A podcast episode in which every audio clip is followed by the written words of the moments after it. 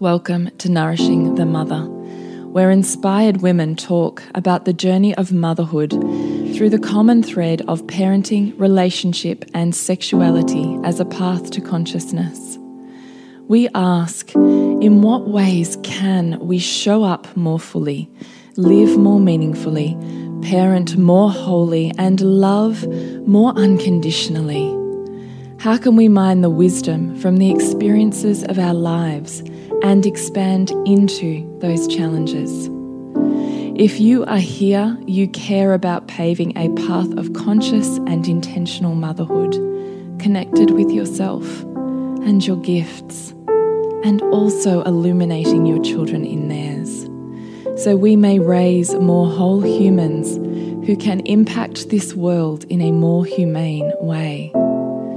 And if you feel like giving a little back to this free content, please become a patron of the show and receive extra member benefits for less than a coffee a month.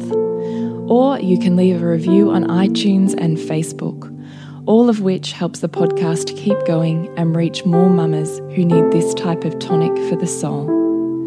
Head on over to patreon.com forward slash NTM podcast to find out more.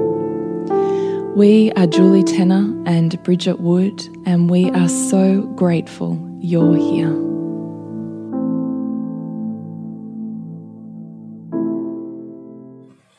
Hello, and welcome to Nourishing the Mother. I'm Bridget Wood, and today it's just me. Julie is enjoying a long girls' weekend with the school mums, and I thought I would take the mic and riff a little bit on a social media post that I did today, which I feel really touches into where a lot of people feel things are at on a global scale and then how that how that is distilled down into parenting values for many of us. But before we get to that, I would love to remind you to jump onto nourishingthemother.com.au and sign up to our newsletter, um, where we do get in touch with you every once in a while with our latest happenings and sometimes some story sharing that we don't always do on the, you know, more out there, less intimate social media space. And again, thank you to those of us who are supporting this podcast on Patreon because it really helps us keep this podcast going for you, which is now five years, five years on the air, which is pretty awesome. So, I'm going to get into it and I'm going to start with reading this. And maybe you saw it, maybe you didn't.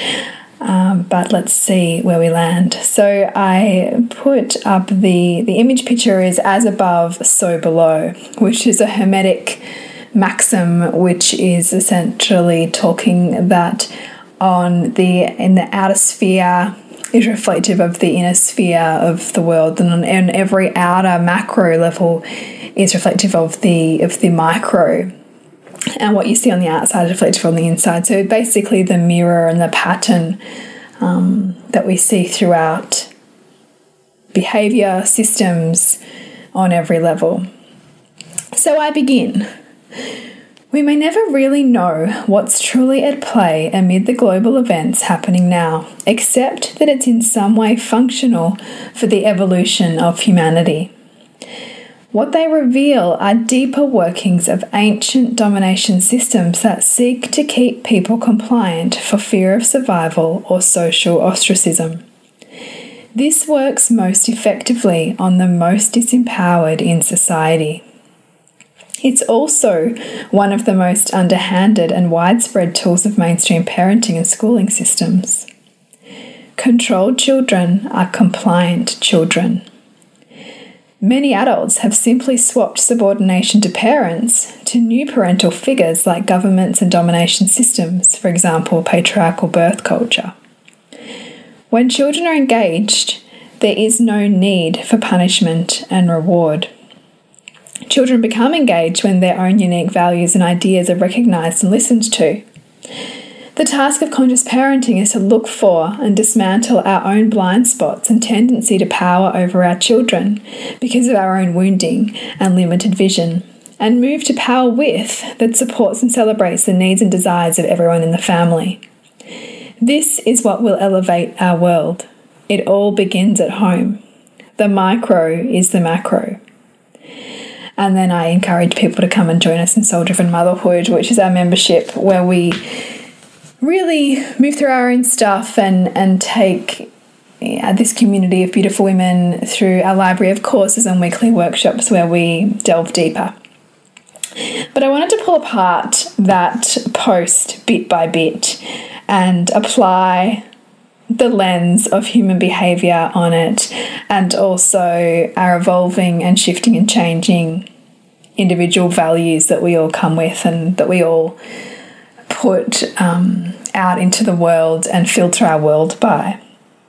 So, the global events, I find this super interesting. So, Julie and I both have social media feeds that are filled with lots of um, conscious type peeps, lots of spiritual um, leaders, and, and people with that set of values who some, many of whom view what's happening as part of a global planetary shift and that it's functional for the evolution of humanity and that we know we need to hold on for the ride but you know that it is on, on some level kind of exhausting to be part of and to feel the collective weight of this strange time where you can't just hop on a plane and go somewhere or somebody that you know has lost their job or you know the the, the ripple effect is quite significant. The, the anxiety of a potential local or global recession if we're not there already.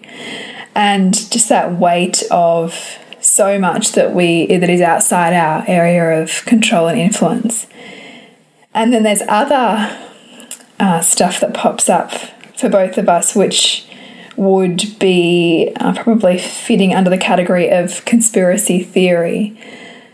I, I, lose, I use that term uh, with some reservation because I think that it's being thrown about a lot by mainstream media at the moment to bundle up anything that doesn't fit the dominant narrative or bundle up anything that doesn't fit what's agreed upon currently by experts around the COVID 19 pandemic because as we know that that's evolving a lot and that there's some consternation across the world on the numbers on whether it's still classified as a pandemic particularly in Australia the quality of the testing that's being used are we picking up just this strain or are we picking up different strains of coronaviruses, which is the common cold?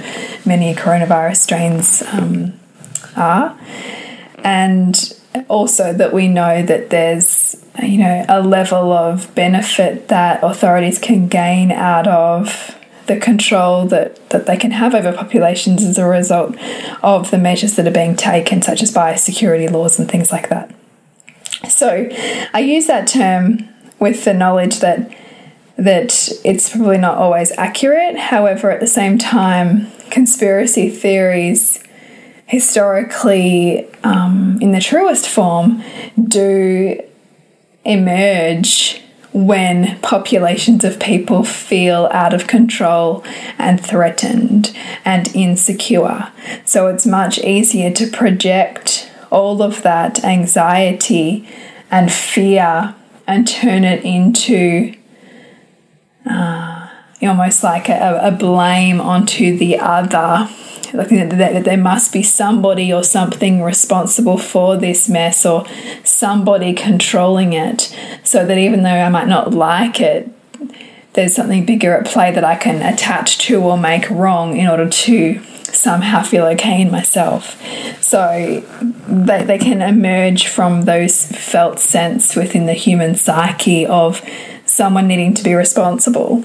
But I but I do wonder if, you know, what if everything that's happening right now is actually being you know is actually unfolding in such a way that it is deeply meaningful for us as a hum as a human species to learn how to how to create more skills and mastery and um, an insight into how to evolve at a faster pace. Like, you know, the, the, technology is asking us to evolve at ever greater speeds as a species, and challenges like what we're facing make us do what would be previously thought of as impossible.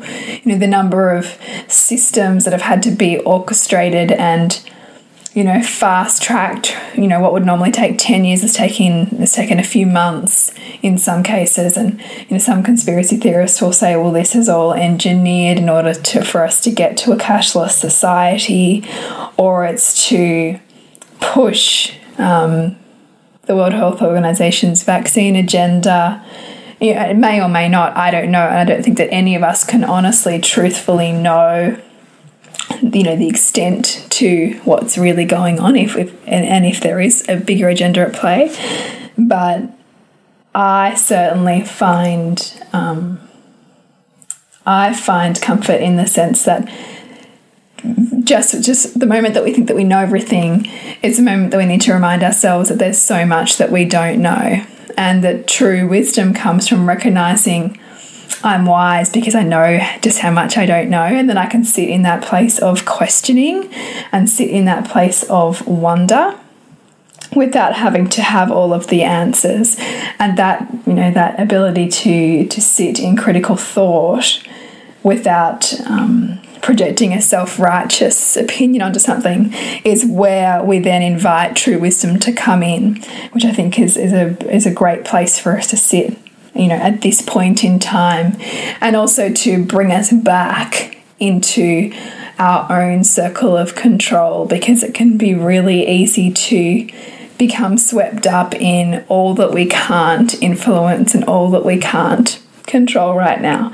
And particularly as mothers, and particularly, you know, with the influence that we have within our homes and the you know all of the roles and responsibilities we're asking ourselves to embody to come back into what we can influence and what we can control is really important um, for ourselves and for our own mental and emotional health right now, um, and also for our family. So I think it's a really good point to make at this at this you know juncture.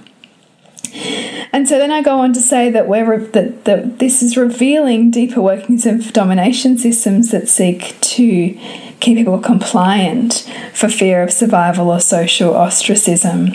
So domination systems, you know, have the most power over the most um, over those populations who are the most lacking in education and and financial and social empowerment. So, the more that you are focused on survival, the more you're unable to influence you know the broader outcomes of a society and the more that you are reliant upon governments and systems to look after you because you don't have the means right and so they're typically the people who are most at the mercy of, you know, what we would see, say, are more draconian measures.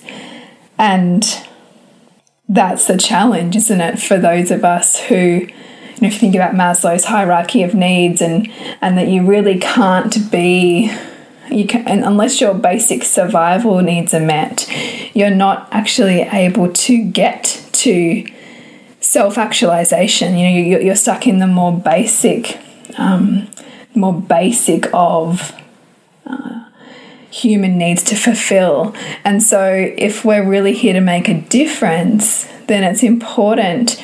I think to be able to ensure that as quickly as possible as humans that we do our best to fulfill basic needs and keep our security and ability to be fed and educated fulfilled so that we can use our time on earth to be able to self actualize and be of service to humanity because that is where the true change and the true power of of our you know ability to influence the world lies.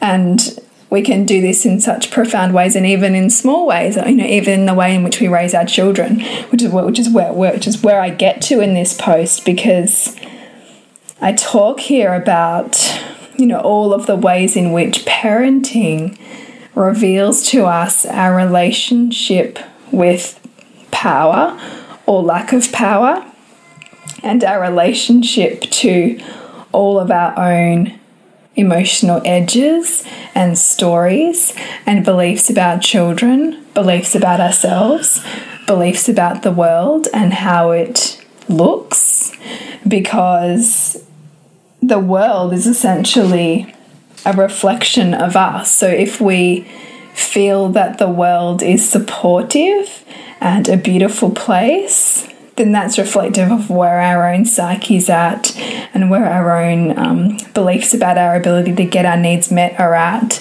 If we feel like the world is dangerous, unsafe, untrustable, then that's likely echoes some of our core childhood beliefs about how safe we are, and then that lens goes out into the world and is projected upon the world.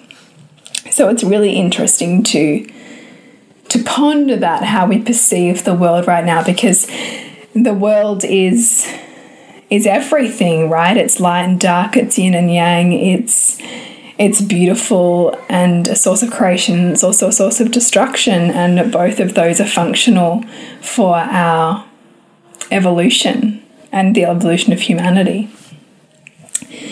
I love the point that we're he all here on earth to master the art of loving our two sides and the reflection of those two sides through others. And we will meet very often those two sides most through our children and through the ways in which we relate to them and relate to the parts of ourselves that are most uncomfortable that we meet through them. I dropped off there a little bit because, as you will have heard in the background, that was my baby Pearl crying. And my husband had said to me, probably about a good hour ago now, Yep, go record the podcast, I'll listen to Pearl. And I realised that he has likely fallen into a very deep slumber on the couch. So I just had to stop the recording and go and settle her, and I am back. So I was a little bit distracted as I was making my last few points. But that's how we roll, that's how it goes, right? So we're doing our work in the world and we're doing motherhood, and for us, there is very little to no separation. So what you see and what you hear is what you get. So we'll see if we can get through the rest of the podcast without me getting up again. Um, but who knows, right? So back to this whole thing on global events and the reflection of the, that outer world to our inner world and our um, reality. I read a really great um, statement through some of my research, which which was that society makes villains bad so that they can feel good. And so do we, right? As humans, like if we if the something out there is bad or wrong, the inverse of that then or the opposite of that then is that I am good and that my choices are good and that, and that, I'm then the, the righteous one and that stuff out there is wrong. And we build our own pride around that belief. But the truth is, we're judging it as bad through either collective moral ideals or the projection of our own set of values onto it. And there'll be just, and the moment that we are creating the idea of bad or wrong, and we're taking a, a, a position or a stance, somebody else, somewhere else in the world, will be taking the opposing stance. And sometimes that happens within a family dynamic that you'll have one person take one stance and someone else take the opposing stance. And sometimes, if you can't see the order in that, you will then close off and shut down to that person and want to be away from them and become resentful because you're actually becoming cold towards them because they don't support your own values.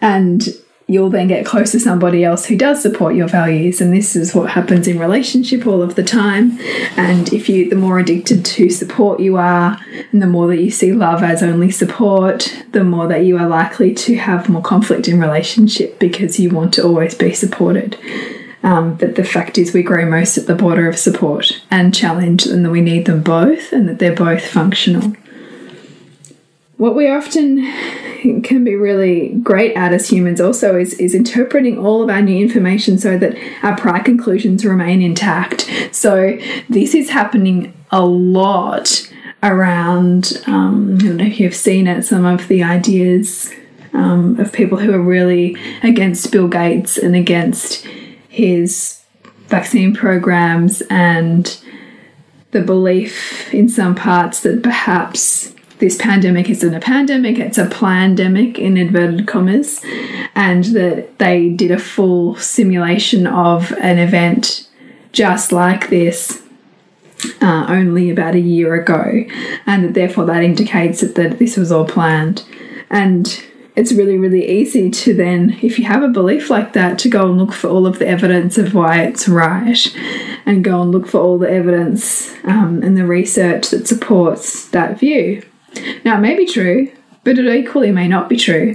And it's really important um, for us to notice when we become so polarized that we discount anything that challenges you know, our dominant belief of something that's right um, or wrong, right? And this this this divisiveness that we see at the moment is exactly what is used throughout history to control the masses and also distract us from our own individual power because it can be very, very derailing to get caught up in arguments that you're never going to win and distracted from your own personal mission in the world and your own personal influence in the world, which really isn't about, you know, winning a political argument. It's about what you're uniquely here and inspired to do.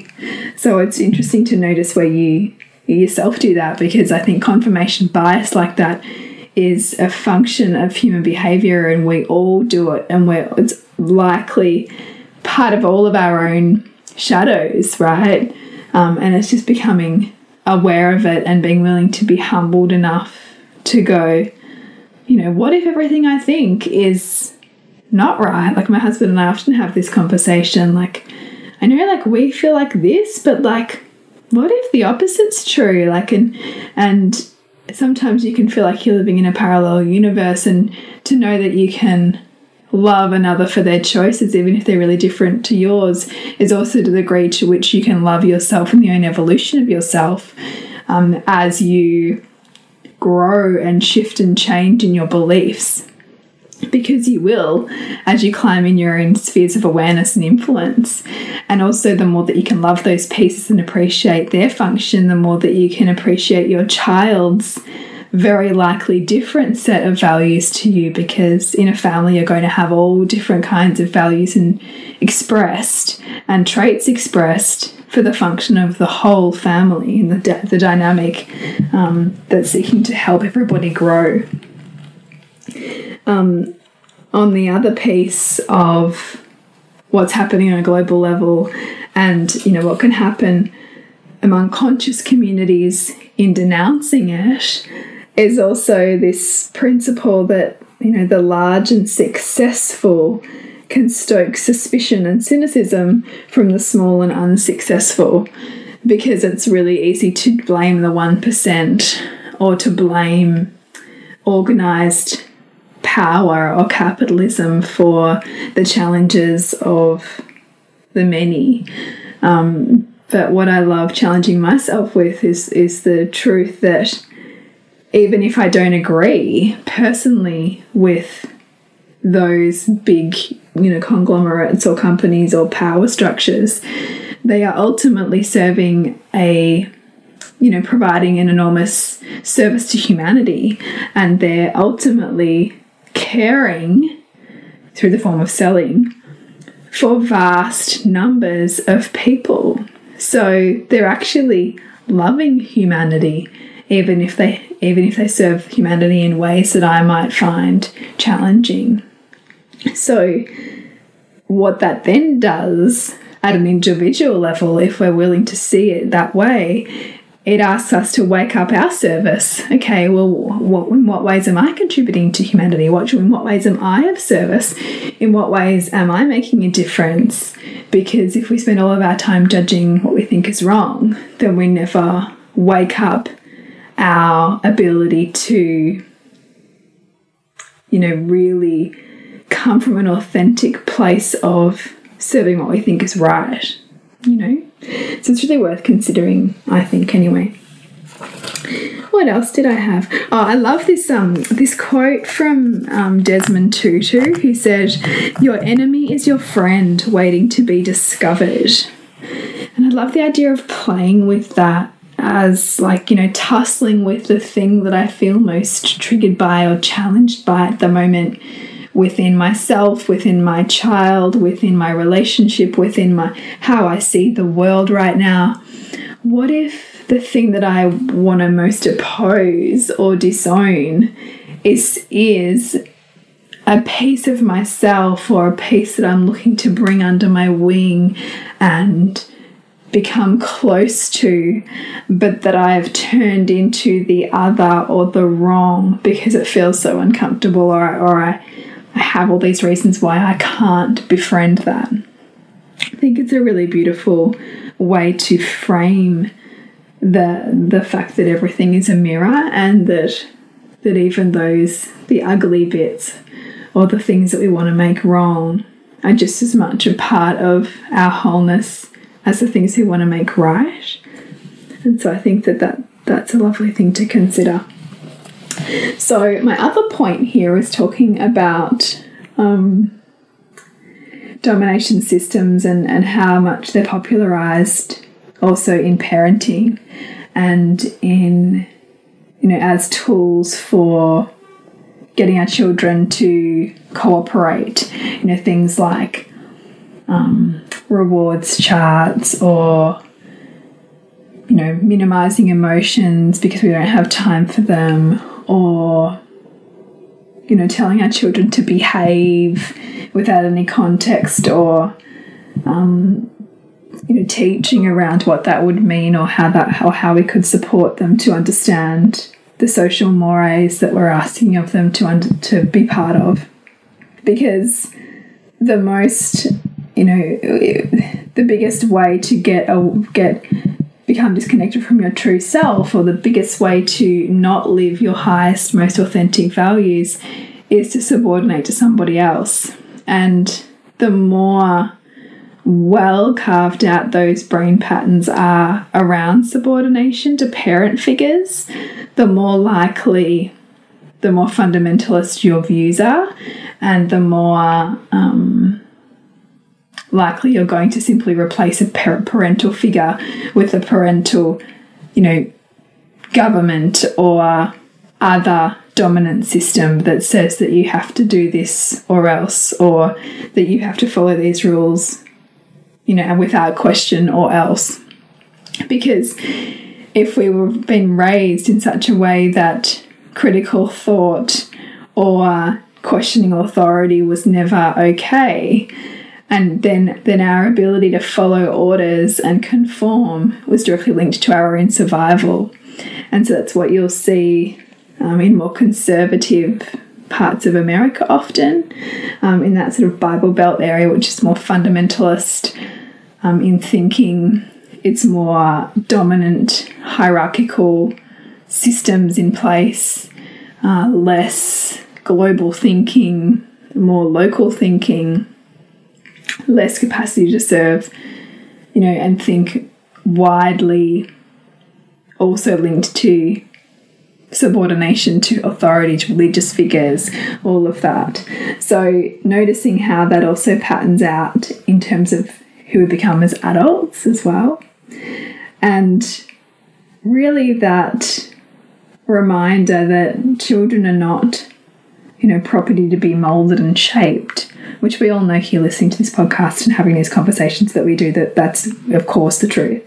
However you know a lot of dominant societal ideas are still around you know, class and, and family influence and you know children to be shaped and guided and kind of cajoled into you know many dreams and wishes of parents not recognizing that the truth uh, is that every every human has their own soul every human you know even before birth a child has a unique set of values and the most beautiful thing we can do as parents is to look always for evidence of who they really are, not who we think that they should be. But what that requires of us is a willingness to dismantle our own blind spots to seeing that.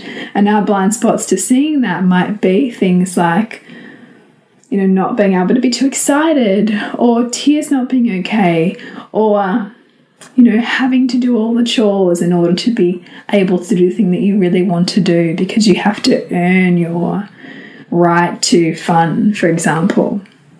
And those are really old beliefs that we often come with and don't question until we're confronted with other ways of being and doing and having experiences, families, and experiences as mothers.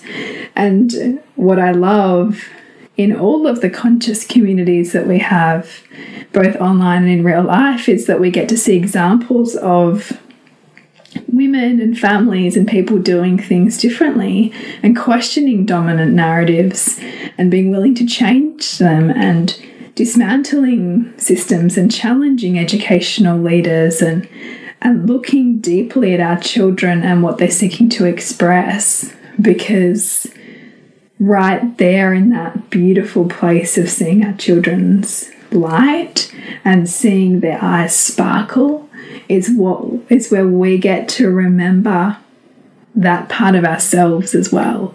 And in giving our children deep permission and presence to be the magnificent unfolding of who they are, we get to go back and give that to those pieces of ourselves that we either consciously or unconsciously you know shut off because because it wasn't okay in, in that moment to express our truth. And that is why, for all of the, you know, days and moments where motherhood can feel burdensome and overwhelming or, you know, just relentless at times, it is just as much you know this we receive so much too you know like we receive an enormous amount of of love and and and connection and opportunity to grow alongside our children and that is where I think it, those glimpses where we truly grasp that are worth their weight in absolute gold when it feels hard. So, that is kind of what I want to leave you with on this riff around my latest post and and around you know really our parenting being kind of a mirror to ourselves and a mirror to the world. And that in this time of global uncertainty and strangeness, that you maybe can find a way to be reflective on the purpose and function of it and use it to come back into connection with yourself, with your children, with your with your circle of influence and control and see it as skill building and you know connection deepening and big dreaming because we're moving at kind of lightning speed in terms of human evolution at the moment like what's happening in so many ways is is you know, unfathomable, and that can be both heavy and uncertain and anxiety inducing. And it can also be a birthplace of potential.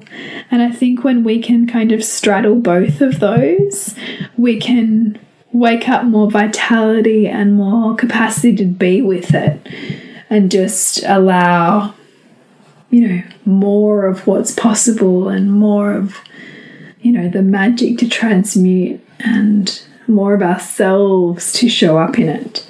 And in showing up in it for ourselves, we do that for our families, which is a beautiful thing. So, to connect with me, it's suburbansandcastles.com. To connect with Jules, as you know, it's the Pleasure Nutritionist, and she's been doing some amazing stuff lately. This week, if you are a mother like me with a baby slash toddler, a little person who is breastfeeding, and you're wanting to make some changes to that breastfeeding relationship or sleep scenario, then I really invite you to hop on to my masterclass. So I'm running a masterclass on weaning transitions you and your babe. And it's going to be all about preparing, supporting yourself, supporting your child as you navigate, you know, making shifts. So lately, just last week, I night weaned Pearl and I also moved her into her own room for a number of reasons, and it feels really good. And I got there through a lot of conscious questioning, through a lot of um, attunement to her and her readiness. But I do know that this is the kind of thing can, that can be filled with trepidation and uncertainty for many mothers. And Pearl being my third, it's my third experience of of meeting that. And so I think that it's a really um, beautiful time now to open up that as a workshop for other mothers who are going through the same thing. And you can take what resonates and leave what doesn't, and hopefully experience um, an opportunity to be with your own questions and find your own answers for what works for you and your family, which is ultimately what what I want for all of our beautiful listeners. So if that's something that you're interested in, you can get the link on our socials for that. So please remember to nourish the woman, to rock the family, and we will see you next week when we continue to peel back the layers on your mothering journey. And if you want to support Nourishing the Mother and all the late nights, the early mornings, the blood, sweat, and tears we pour into our art, then please go to patreon.com forward slash NTM podcast and become our patron. As a patron, you're helping all of the cost of operating this podcast, the hosting, the editing, the transcription, helping all of that be completely covered, and joining a community who are all about honouring our journeys and continuing to open. The more support we have, the longer we can last. So become a patron. We'd love to have you. Go to patreon.com forward slash NTM podcast. We literally couldn't do this without you. Thank you so much for listening, and please share this podcast with anyone you think it would be medicine for.